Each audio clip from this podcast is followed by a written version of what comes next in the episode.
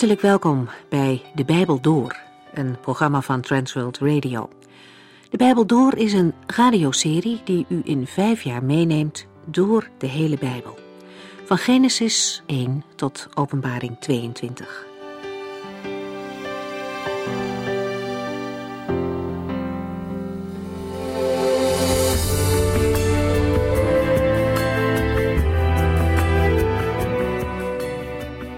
Lieve mensen, welkom. We zijn al een flink eind gevorderd in het lezen van de Bijbel. Vandaag beginnen we met de eerste brief van Johannes.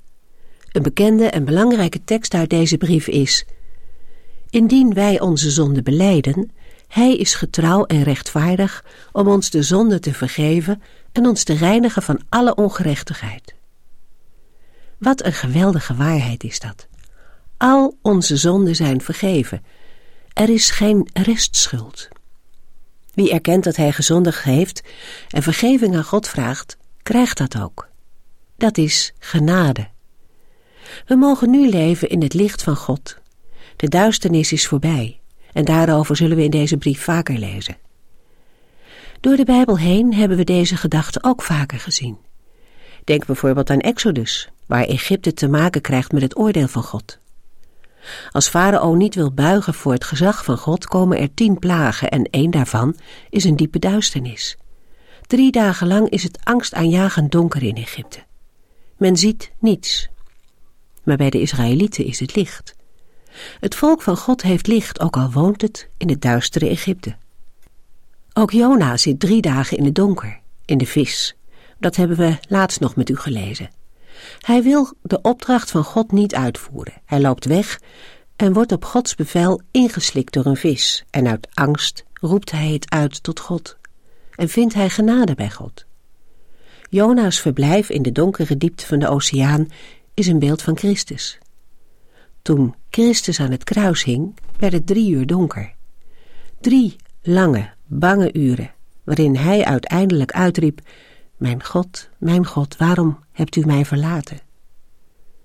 Het licht van de wereld stierf en was drie dagen in het graf. Drie dagen van duisternis. Maar het licht is sterker dan het donker. Christus stond op uit de dood en door hem mogen wij in het licht leven. Wie mij volgt zal geen zins in de duisternis wandelen, maar zal het licht van het leven hebben, zegt hij. Johannes schreef deze uitspraak op in zijn evangelie, maar we zullen zien dat het thema ook terugkomt in zijn brief. Laten we luisteren naar 1 Johannes.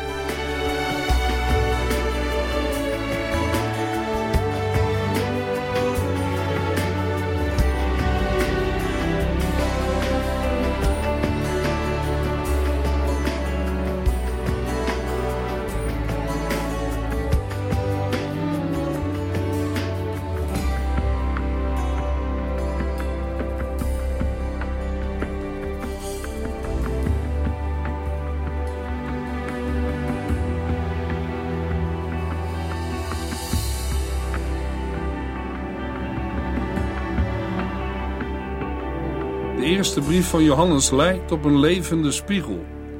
Niet alleen in staat om de volle glans van de majesteit van de Heer Jezus op te nemen, maar ook om die te weerspiegelen. In heel eenvoudige woorden, zonder artistiek spraakgebruik, geeft Johannes getrouw weer wat hij heeft gehoord, gezien en aangeraakt van het woord van het leven, Jezus Christus. God is licht God is liefde en God is leven. Johannes leeft in vreugdevolle gemeenschap met die God van licht, liefde en leven. En hij wil heel erg graag dat zijn geestelijke kinderen dezelfde gemeenschap ervaren. God is licht. Om in gemeenschap met Hem te komen is het daarom nodig dat we wandelen in het licht en niet in de duisternis. Als we in het licht wandelen, zullen we regelmatig onze zonden beleiden en ons voortdurend laten reinigen door het bloed van Christus. Christus zal optreden als onze advocaat en voor ons pleiten bij God de Vader.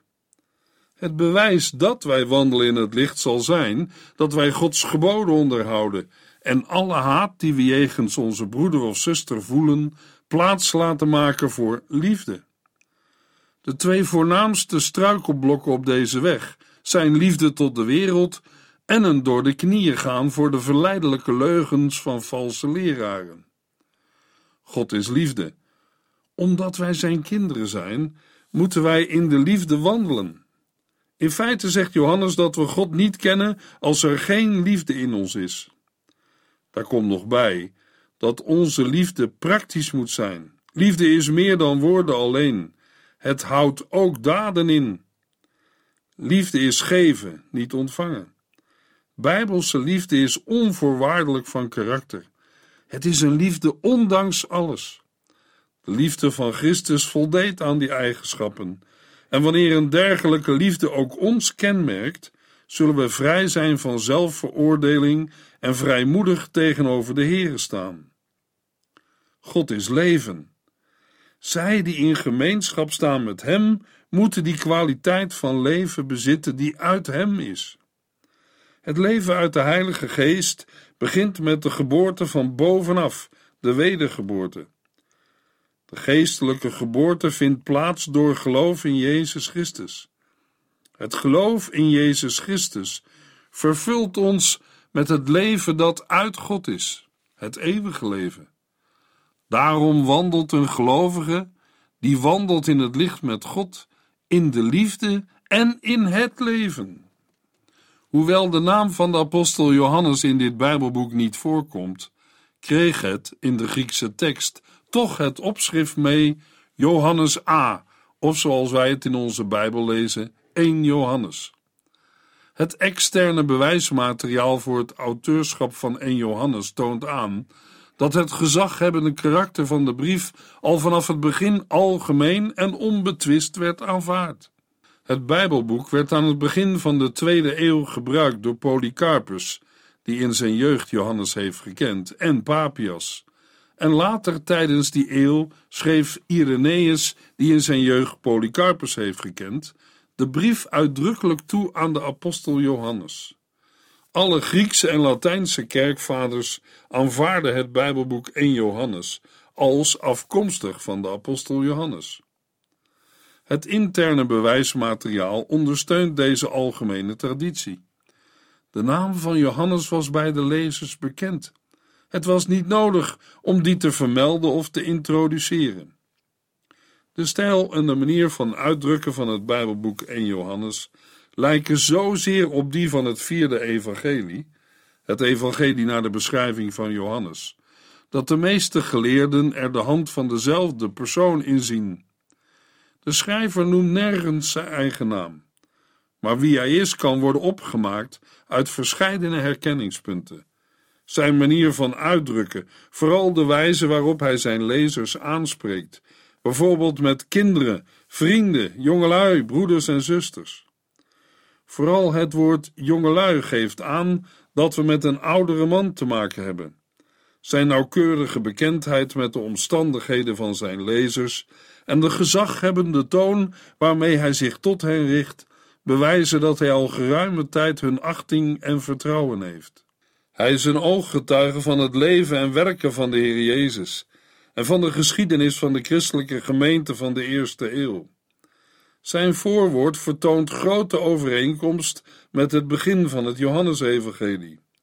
Er zijn zoveel punten van overeenkomst met de schrijver van het vierde evangelie, zowel in taal en stijl als in zijn opvatting van het christelijk leven, dat de meeste uitleggers erkennen dat het om één en dezelfde persoon gaat. In de eerste brief van Johannes worden wij telkens getroffen door voor Johannes karakteristieke begrippen als waarheid en leugen, licht en duisternis, leven en dood, wereld, kinderen, volkomen blijdschap en de geest van de waarheid. In beide Bijbelboeken domineert de absolute toon, de afkeer van halfheid. Johannes kent geen middenweg tussen leven en dood, tussen waarheid en leugen en licht en duisternis. In al deze voorbeelden komt duidelijk Johannes, de apostel van Jezus Christus, als de schrijver van deze brief naar voren.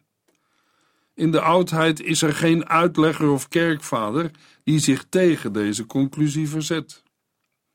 Het evangelie naar de beschrijving van Johannes en de eerste brief van Johannes hebben als gemeenschappelijke kenmerken een beperkte woordenschat en een vaak gehanteerde tegenstelling van uitersten.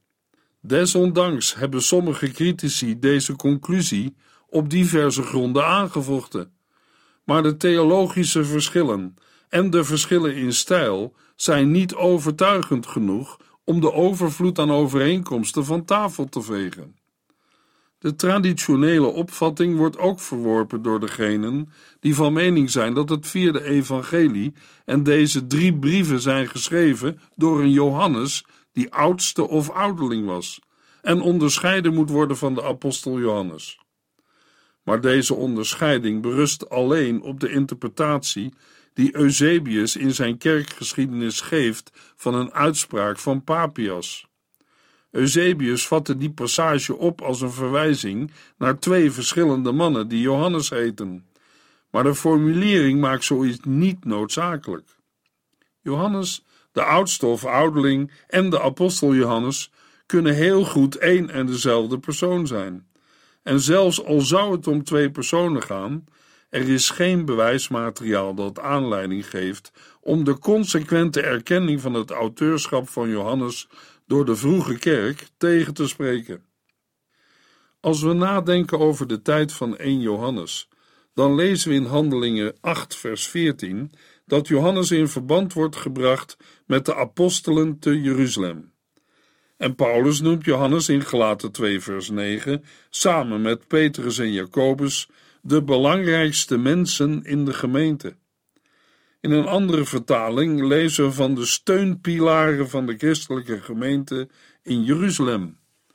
Afgezien van Openbaring 1 zwijgt het Nieuwe Testament over zijn latere jaren. Maar de vroegchristelijke traditie is eensluidend in haar mededelingen over zijn vertrek uit Jeruzalem, waarschijnlijk niet lang voor de verwoesting in het jaar 70 na Christus, en de bediening en taak van Johannes in en om Efeze. De zeven gemeenten in de Romeinse provincie Azië, die genoemd worden in Openbaring 2 en 3, vielen duidelijk onder zijn bediening. Hoewel 1 Johannes geen adressering heeft, is het waarschijnlijk dat de apostel deze brief heeft gericht tot de gemeenten in Azië die onder zijn toezicht vielen.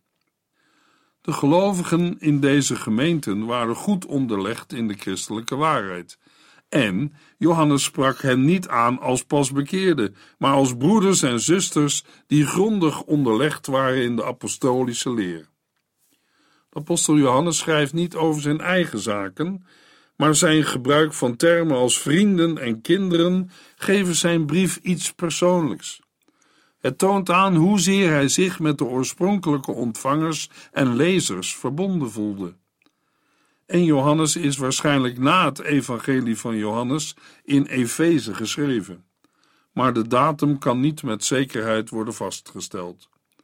Er wordt geen melding gemaakt van vervolgingen, hetgeen wijst op een datering voor het jaar 95 na Christus. Toen gedurende de laatste jaren van de regering van keizer Domitianus de vervolgingen losbarsten. Johannes schreef deze vaderlijke brief op vergevorderde leeftijd, uit liefdevolle bezorgdheid voor zijn geestelijke kinderen. Hun standvastigheid in de waarheid werd bedreigd door de verlokkingen van de wereld en de dwaalleer van valse leraren. De ketterij van de gnostiek leerde dat de materie van nature kwaad is en dat een goddelijk wezen daarom niet de gestalte van een mens aan kon nemen. Dat resulteerde in het maken van een onderscheid tussen de mens Jezus en de geestelijke Christus, die op Jezus neerdaalde bij zijn doop, maar hem voor zijn kruisiging weer verliet. Een andere variatie is het docetisme, afgeleid van een Grieks woord dat schijn betekent. De leerstelling dat Christus alleen maar voor de schijn een menselijk lichaam had. In beide gevallen was het resultaat hetzelfde een absolute ontkenning van de vleeswording van Christus. Met andere woorden, dat Christus als echt mens op aarde is gekomen en onder ons als een echt mens heeft geleefd.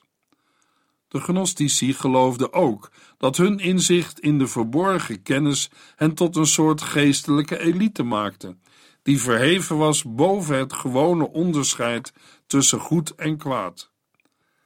Dit leidde in de meeste gevallen tot betreurenswaardige gedragingen en een volstrekte onverschilligheid ten aanzien van de christelijke ethiek. Met betrekking tot de Heer Jezus Christus lezen we over zijn huidige bediening in 1 Johannes 1, vers 5 tot en met 2, vers 22. Zijn bloed reinigt de gelovigen voortdurend van alle zonde. En Jezus Christus is onze rechtvaardige voorspraak of advocaat bij de Vader. De eerste brief van Johannes benadrukt in het bijzonder dat Jezus Christus een mens is geworden van vlees en bloed, als ook de identiteit van Jezus als de Christus. Vooral en met name ter bestrijding van de gnostische leer. Jezus is gekomen door water en bloed. We lezen in 1 Johannes 5, vers 6 tot en met 8. Wij weten dat Jezus de Zoon van God is omdat dat bevestigd is door zijn doop in water en door het bloed van zijn dood. En ook de Heilige Geest, die altijd de waarheid spreekt, zegt dat hij de Zoon van God is. Er zijn dus drie getuigen in de hemel: de Vader, het Woord en de Heilige Geest, en samen zijn ze één. En er zijn drie getuigen op aarde: de Heilige Geest, het water en het bloed, en ook deze drie horen bij elkaar. De Heer Jezus was op aarde vanaf het begin tot het einde één en dezelfde ondeelbare persoon. Om het lezen van de eerste brief van Johannes goed te begrijpen, zijn er een aantal sleutels voorhanden. Het hoofdthema van 1 Johannes is de gemeenschap met God. Johannes wil dat zijn lezers er zeker van zijn dat God door een blijvende relatie met hem in hen woont. Geloof in Jezus Christus moet blijken uit gerechtigheid in de praktijk en broederlijke liefde, die beide op hun beurt vreugde voortbrengen en vrijmoedigheid voor de Here. Johannes schrijft deze brief om aan te sporen tot een echte gemeenschap met God en om te benadrukken hoe belangrijk het is om vast te houden aan de apostolische leer. 1 Johannes is ook geschreven om de verderfelijke leer van de gnostici te bestrijden door de nadruk te leggen op de realiteit van de menswording van Christus en de leegheid van een geloof dat alleen met de mond wordt beleden. Deze dwaalleraars worden antichristen genoemd en zij kunnen de toets niet doorstaan als het gaat om een rechtvaardig leven, de liefde tot broeders en zusters en het geloof in de twee naturen van Jezus, de Christus. Als we in de eerste Johannesbrief op zoek gaan naar sleutelversen, dan komen we uit bij twee gedeelten. Het eerste gedeelte is 1 Johannes 1, vers 3 en 4, waar we lezen: Wat wij gezien en gehoord hebben, vertellen wij ook verder, omdat wij graag willen dat velen deel zullen hebben aan onze gemeenschap met de Vader en zijn Zoon Jezus Christus. Wij schrijven u dit allemaal om u te laten delen in de blijdschap die wij hebben ervaren. Het tweede gedeelte is 1 Johannes 5, vers 11 tot en met 13, waar we lezen: En wat heeft God dan wel gezegd? Dat Hij ons eeuwig leven heeft gegeven en dat dit leven in Zijn Zoon is. Wie dus de Zoon van God heeft, heeft het leven, maar wie de Zoon van God niet heeft, heeft het leven niet. Ik heb dit geschreven aan u, die in de Zoon van God gelooft, om u de zekerheid te geven dat u eeuwig leven hebt.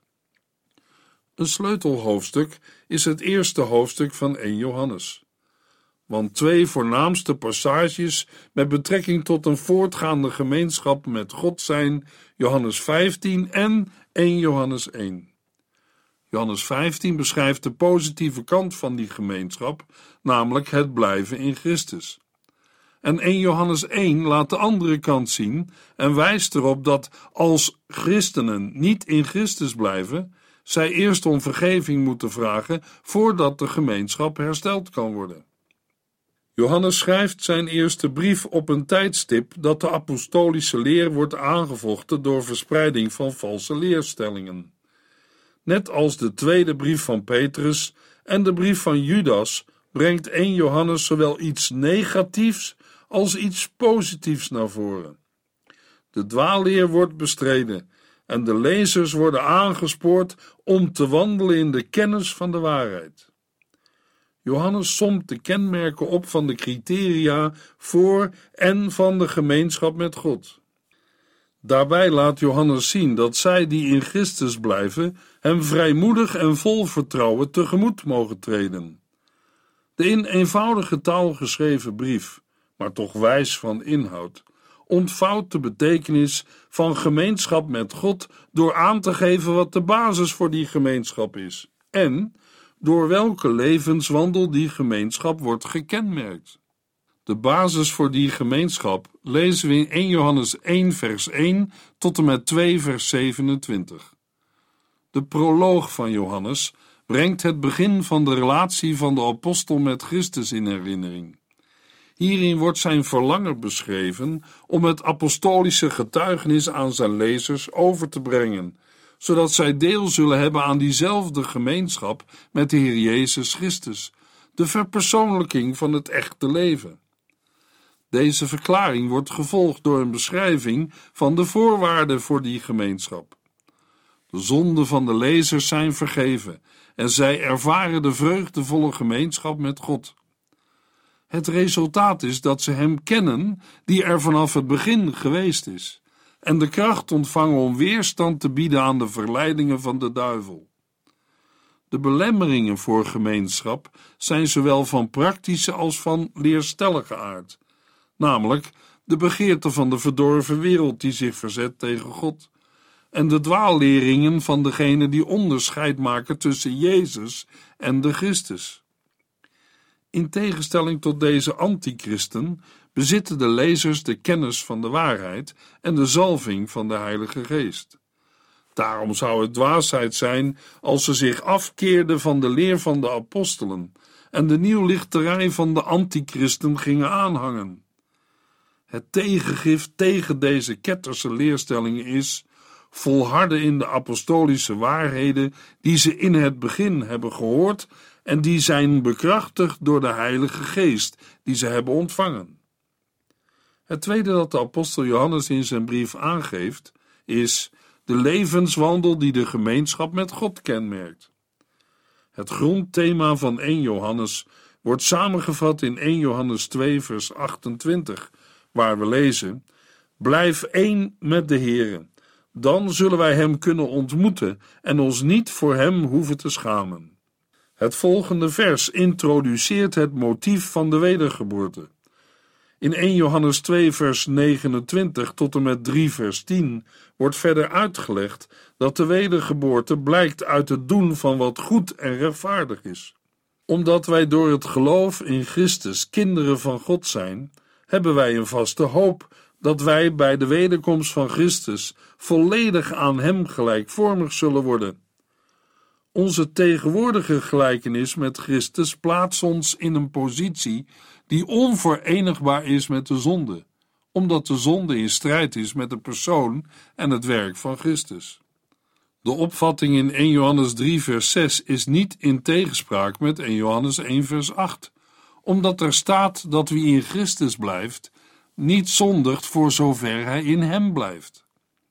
Als de gelovige zondigt, is hij geen beeld van de wedergeboren nieuwe mens, maar van de duivel. Hij zondigt van de beginnen. Wedergeboorte uit zich in rechtvaardigheid en gerechtigheid wordt zichtbaar in liefde. De apostel Johannes gebruikt het voorbeeld van Kain om te illustreren wat liefde niet is. Haat is een geestelijke vorm van moord, voortkomend uit de wereldse atmosfeer van de dood. Vervolgens gebruikt Johannes het voorbeeld van Christus om te illustreren wat liefde wel is. Liefde wordt in praktijk gebracht door zelfopoffering en niet alleen maar met de mond. Deze in praktijk gebrachte liefde resulteert in verzekerdheid tegenover God en in gebedsverhoring, omdat de gelovige wandelt in gehoorzaamheid aan Gods geboden, om te geloven in Christus en elkaar lief te hebben. In 1 Johannes 3, vers 24 introduceert Johannes twee belangrijke motieven die uiteengezet worden in 1 Johannes 4, vers 1 tot en met 16, namelijk dat de Heere in de gelovig is en het teken daarvan is de inwoning van de Heilige Geest. De Heilige Geest van God beleidt de menswording van Jezus Christus en bevestigt de apostolische leer. Dat de gelovige in God blijft en God in de gelovige wordt zichtbaar door de liefde voor anderen. Deze liefde brengt een goddelijke en menselijke gemeenschap voort, die getuigt van de realiteit van de menswording van Christus en is daar een beeld van. Zij wijst ook vooruit naar de volmaakte gemeenschap die komen zal en schept de bereidheid om op de dag van het grote oordeel voor het aangezicht van degene te staan uit wie alle liefde voortkomt. Johannes voegt de begrippen die hij naar voren heeft gebracht aan elkaar tot een cirkelvormige ketting met zes schakels die begint bij de broederliefde. 1. De liefde voor de gelovige is het onlosmakelijke gevolg van de liefde tot God. 2. Liefde tot God komt voort uit gehoorzaamheid aan zijn geboden. 3. Gehoorzaamheid aan God is het gevolg van het geloof in zijn Zoon, Jezus Christus. 4. Dit geloof is het geloof in Jezus, die niet alleen bij zijn doop de Christus was, maar ook bij zijn dood. 5. Het goddelijke getuigenis omtrent de persoon van Christus is het waard om volledig geloofd te worden. 6. Dit geloof brengt de vrijmoedige benadering van God in het gebed voort. En omdat voorbeden een blijk is van liefde voor anderen, is de cirkel gesloten. De epiloog aan het eind van deze brief vat de conclusies van de brief samen in een drietal zekerheden. 1. Zonde bedreigt de gemeenschap en moet gezien worden als iets wat een gelovige, die in Christus blijft, vreemd is. 2. De gelovige strijdt met God tegen het satanische systeem van dit wereldbestel. 3. De menswording van Christus brengt ware kennis voort en gemeenschap met Christus. Omdat Hij de ware God en het eeuwige leven is, moet degene die Hem kent zich niet laten verleiden door een godsdienstig surrogaat. We lezen het eerste vers van deze brief, 1 Johannes 1, vers 1. Het was er vanaf het begin, het woord dat leven geeft. Wij hebben het woord gehoord, met eigen ogen gezien, met onze handen aangeraakt. Maar daarover meer in de volgende uitzending.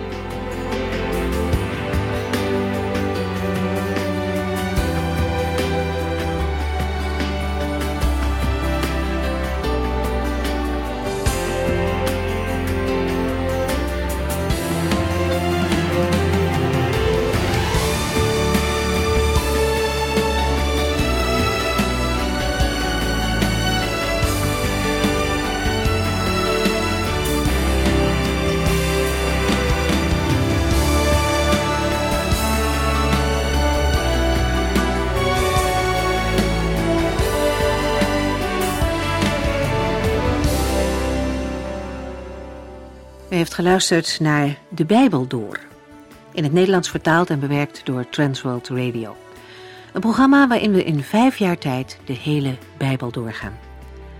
Als u wilt reageren op deze uitzending of u heeft vragen, dan kunt u contact met ons opnemen.